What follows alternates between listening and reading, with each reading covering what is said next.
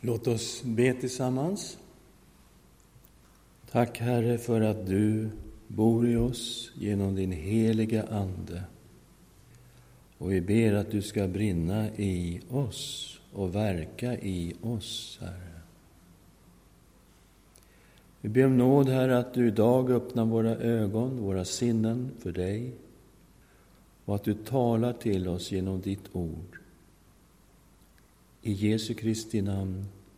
Amen.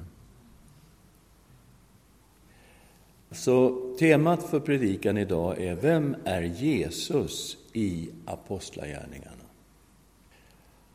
Då tänker man, han är väl samma som evangelierna, vad skulle det vara för skillnad? Ja. Den här boken den skrevs ju av Lukas ungefär 62 efter Kristus. Och Jesus dog då 33 efter Kristus. Och det är samma Lukas som har skrivit evangeliet. Och man kan faktiskt se att Lukas evangeliet och Apostlagärningarna, de hör ihop, de liksom passar in i varandra. Så Apostlagärningarna blir då en fortsättning av Lukas. Och Apostlagärningarna beskriver då ungefär de första 30 åren av församlingens historia. Men vi måste tänka oss att Nya testamentet fanns ju inte där i början. Så den bibel som de kristna läste, det var ju Gamla testamentet. Och därför när vi försöker stå vem Jesus är i Apostlagärningarna, då finner vi nästan att all undervisning kommer ut ur Gamla testamentets profetior. Det är profetier om Messias, alltså hur de här profetiorna har gått i uppfyllelse i Jesus Kristus. Det är det vi möter i Apostlagärningarna. Och för att förstå hur Petrus då, en enkel fiskare från Galileen, kunde hålla sådana här fantastiska predikningar som man gör i Apostlagärningarna. Ja, då behöver vi gå till Jesus. Efter uppståndelsen så sa Jesus det här till sina lärjungar. Det är Lukas 24, 44-49. Detta är vad jag sa till er medan jag ännu var hos er. Allt måste uppfyllas som är skrivet om mig i Mose lag, profeterna och psalmerna. Sedan öppnade han deras sinnen så att de förstod skrifterna. Och han sa till dem, det är skrivet att Messias ska lida och på tredje dagen uppstå från de döda och att omvändelse och syndernas förlåtelse ska förkunnas i hans namn för alla folk, med början i Jerusalem. Ni är vittnen om allt detta, och jag ska sända över er vad min far har lovat. Men ni ska stanna här i staden tills ni blir röstade med kraft från höjden. Det här sa alltså Jesus till lärjungarna. Så helt klart har Jesus undervisat om vad som står skrivet om honom i hela Gamla testamentet. Dessutom så har han alltså öppnat deras sinnen så att de förstod skrifterna. Och så gav han då löftet om den helige Ande. Han sa att de skulle utrustas med kraft från höjden. Och det är på grund av det här som Petrus kunde tala som han gjorde i Apostlagärningarna. Och vi kommer att fokusera på just Petrus förkunnelse i Apostlagärningarna och försöka besvara den här frågan. Vem är Jesus i Apostlagärningarna? Vi kommer till eh, Apostlagärningarna 2, vi är där på pingstdagen. Vi har andedopet framför oss. På pingstdagen föll den heliga Ande över lärjungarna. De döptes i Anden, de fylldes av Anden, precis som Jesus hade lovat. Det kom ett dån som hördes över hela området. Alltså det hördes överallt. Det var som en stormvind, men det dånade alltså. Och folk undrade vad det här för någonting och alla samlades och så mötte de Jesu lärjungar som kunde tala alla möjliga språk. Ja, det blev ju en stor folksamling på grund av allt det här som skedde. Alla undrade vad som hade hänt och Petrus steg fram och började tala med stor frimodighet. Och han inledde med att påpeka att Joels profetia om Anden hade gått i uppfyllelse. Och han citerade Joel kapitel 2, vers 28 32 och nyckel till att förstå den här predikan, pingstpredikan, det är den här sista versen som han citerar från Joel. Och det ska ske att var och en som åkallar Herrens namn ska bli frälst. För Petrus kommer nämligen visa att Jesus är Herre. Häng med här nu. Var och en som åkallar Herrens namn ska bli frälst och Jesus är Herre. Det chockerande det var ju då att Petrus påstod att Gud hade låtit Jesus uppstå ifrån de döda. Chock. Och han sa det här var profeterat om Messias och Petrus citerar då ifrån psalm 16, vers 8-11. Och det är en psalm av David och alla visste att det här var en messiansk psalm. Och han påpekade i kapitel 2, vers 31 i förväg såg han Messias uppståndelse och sa, han ska inte lämnas åt dödsriket och hans kropp ska inte se förgängelsen.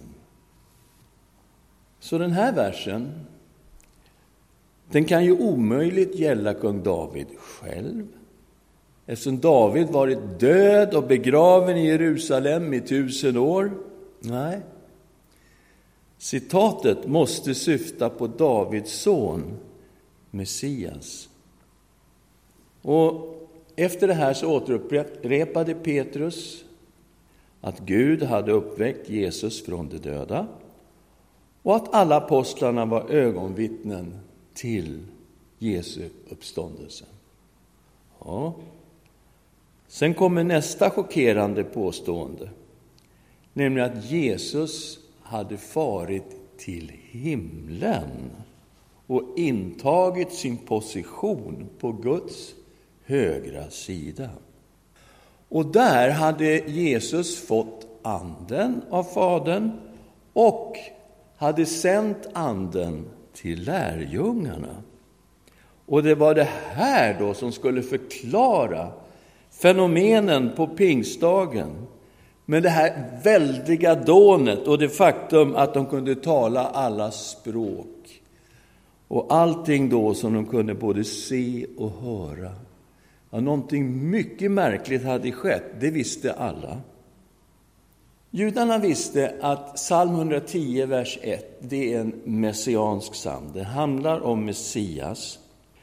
Så Petrus går vidare för att backa upp det här att Jesus har farit till himlen och intagit positionen på Faderns högra sida. Han säger i vers 34 och 35.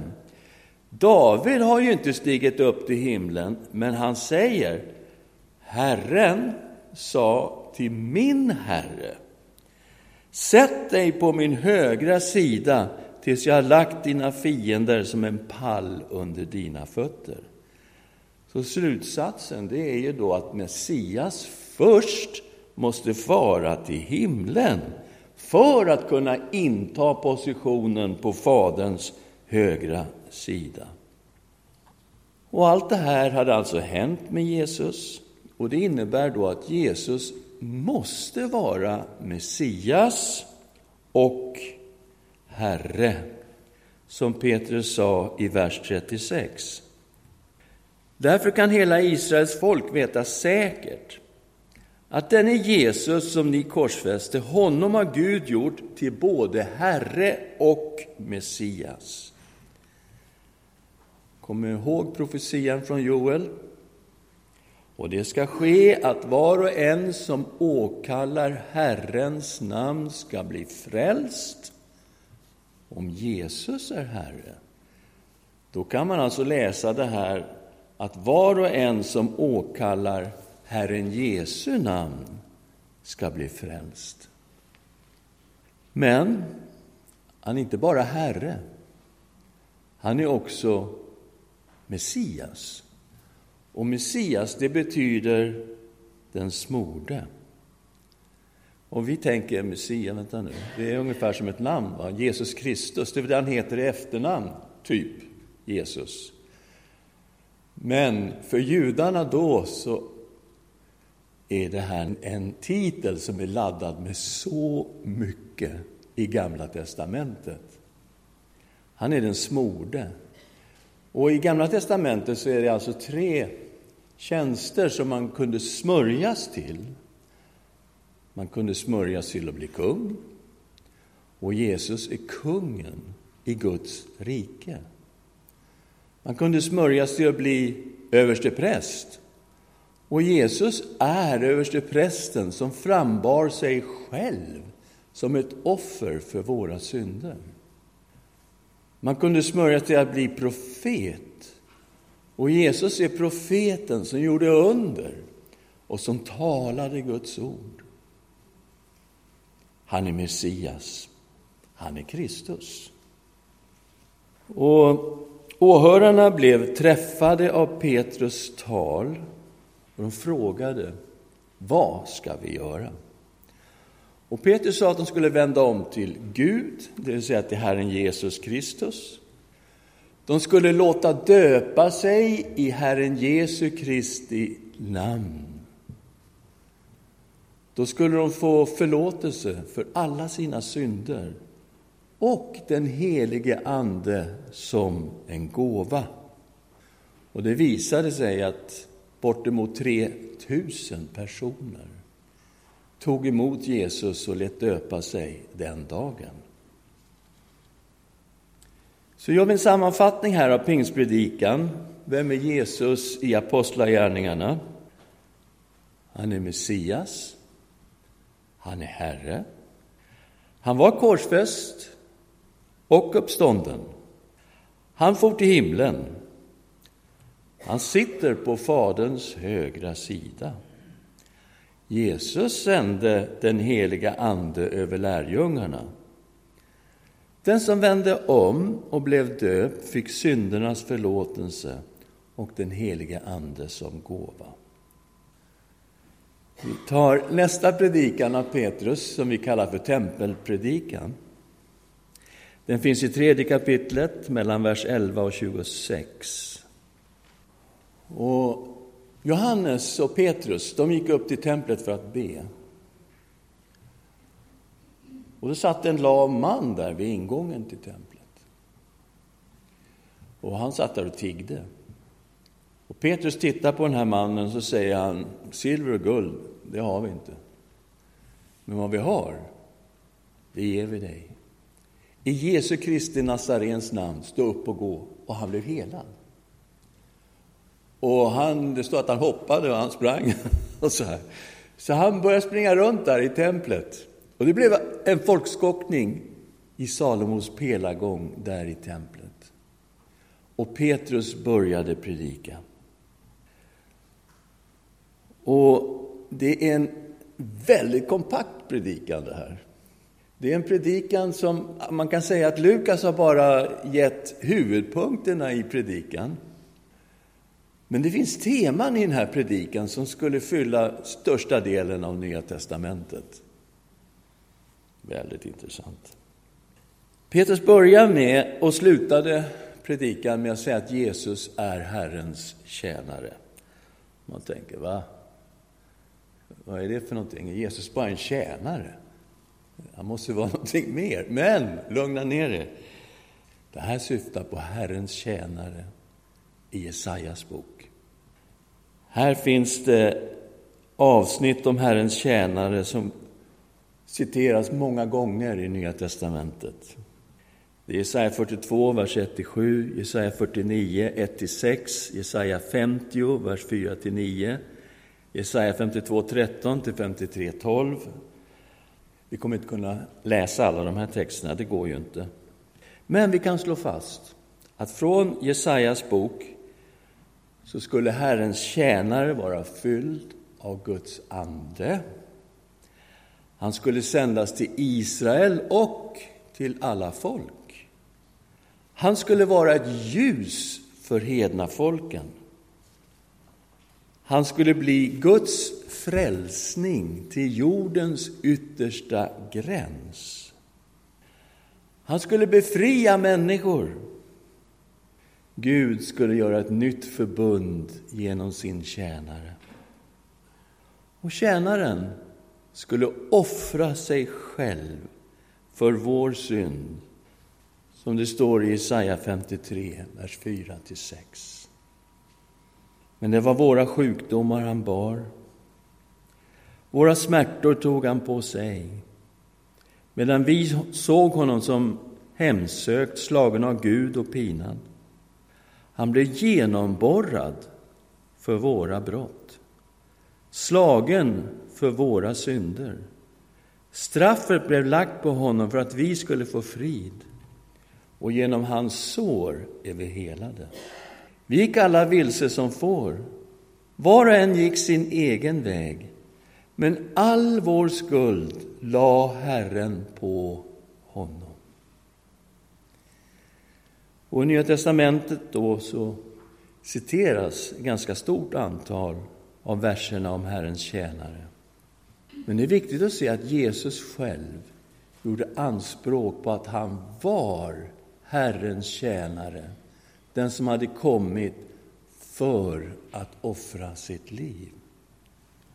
Han sa, ty Människosonen har inte kommit för att bli betjänad, utan för att tjäna och ge sitt liv till lösen för många.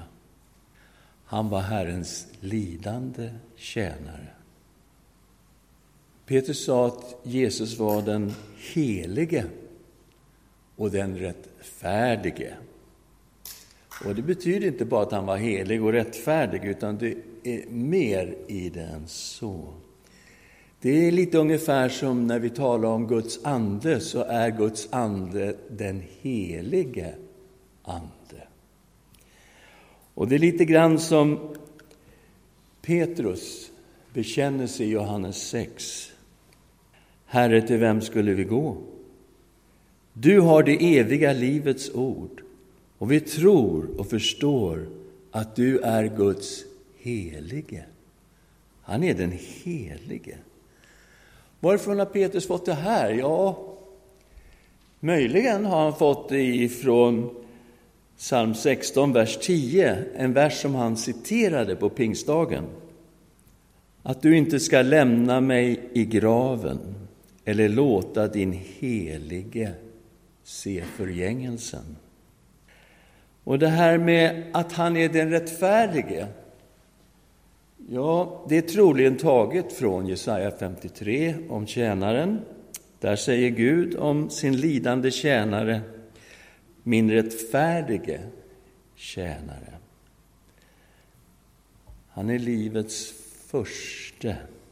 Och Petrus han ställer fram sina åhörare inför de totala motsättningarna som finns, så att säga.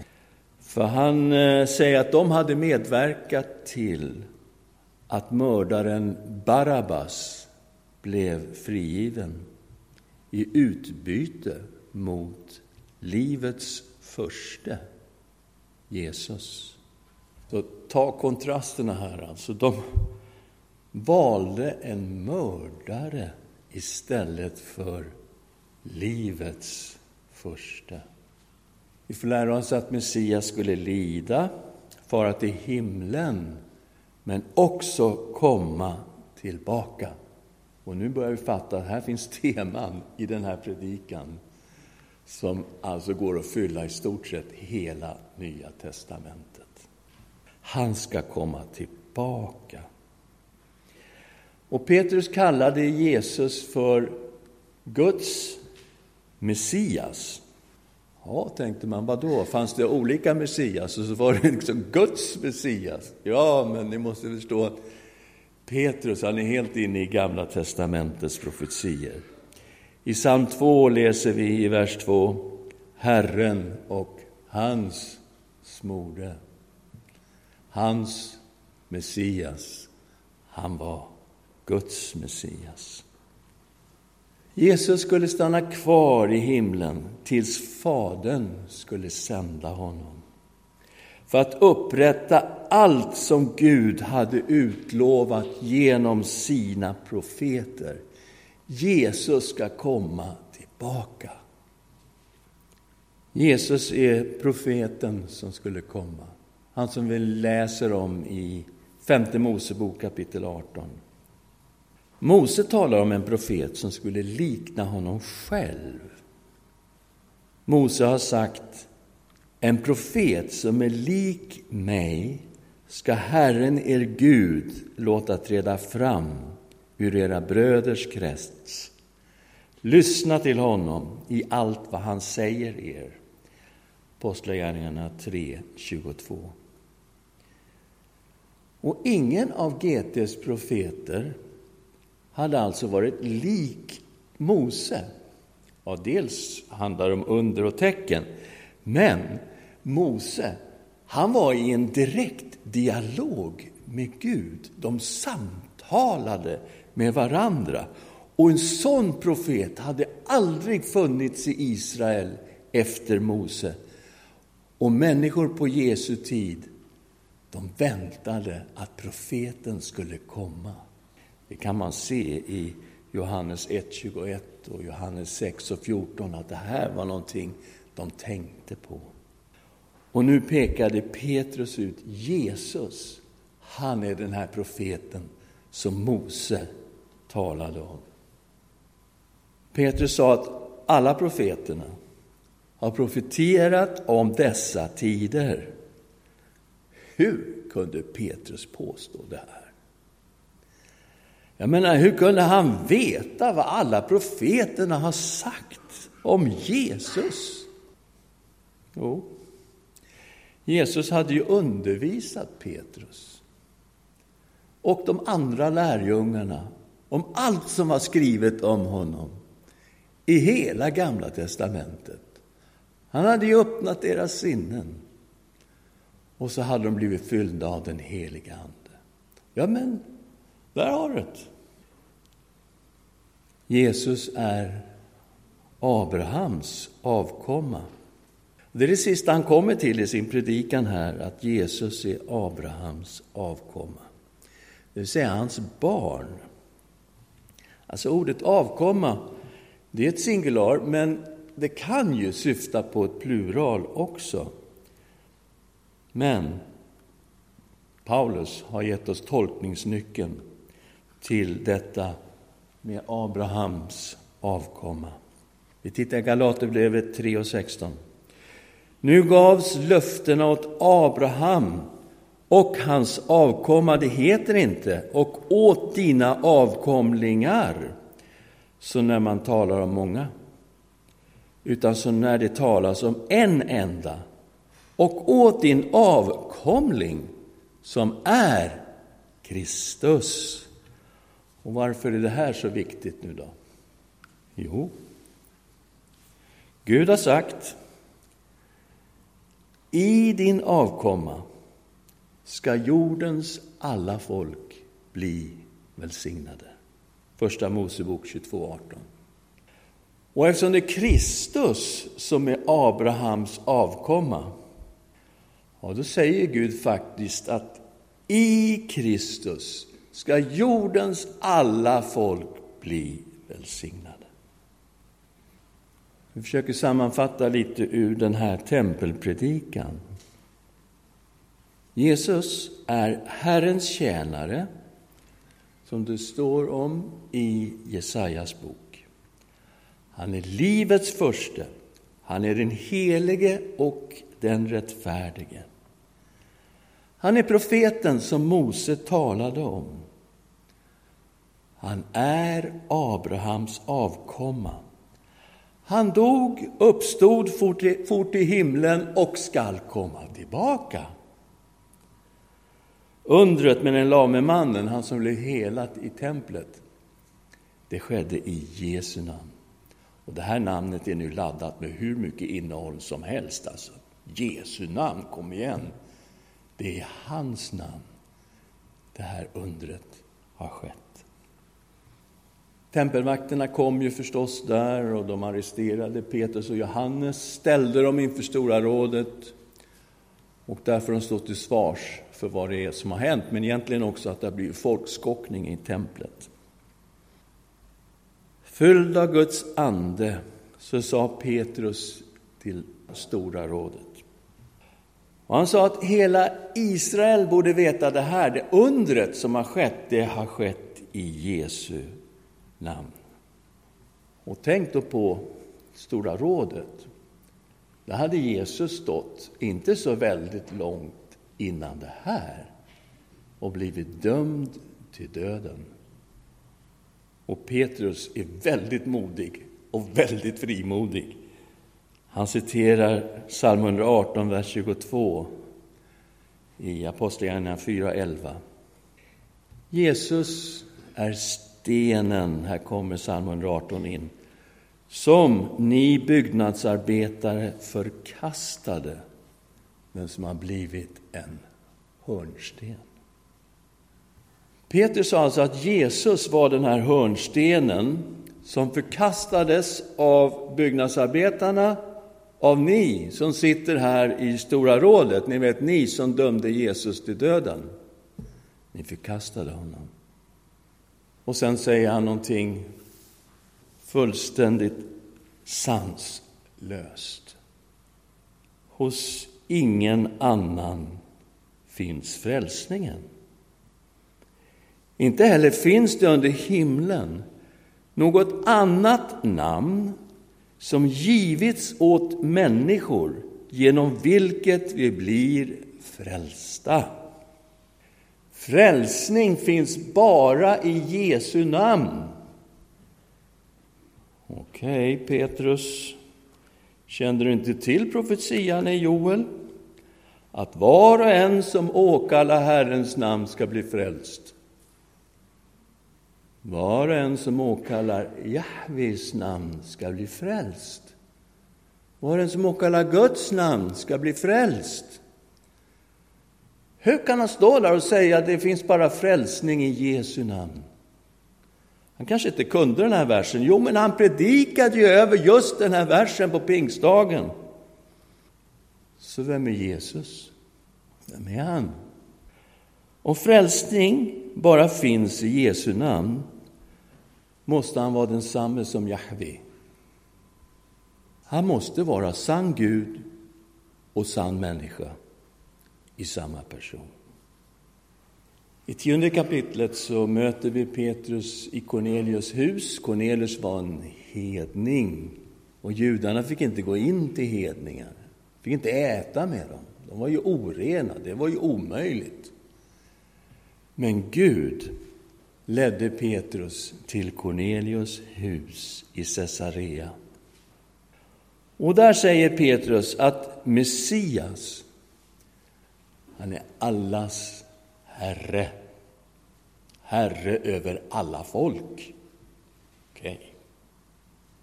Han sa också att Jesus är domare över levande och döda. Jaha, jag trodde han bara var domare över de döda. Nej, han är domare över de levande och döda. Han är domare över oss som är här idag. Han är domaren över levande och döda. Petrus sa att alla profeterna vittnar om Jesus och Gud lovar syndernas förlåtelse till alla som tror på Jesus. Wow! Och däremellan då så berättar Petrus grundläggande om Jesu verksamhet, hans död, hans uppståndelse och att han själv var ett vittne till allt det här. Och medan Petrus står där och predikar så blev han avbruten av Gud. Den heliga Ande bara full. Och alla de här hedningarna som sitter där, de blev uppfyllda av Guds ande. Och de började tala i tungor och prisa Gud. När den heliga Ande kom över hedningarna så förstod Petrus att de här måste få döpas i vatten. Fast de inte är judar. Men vi, vi, vi har inget val. Gud har liksom tagit över.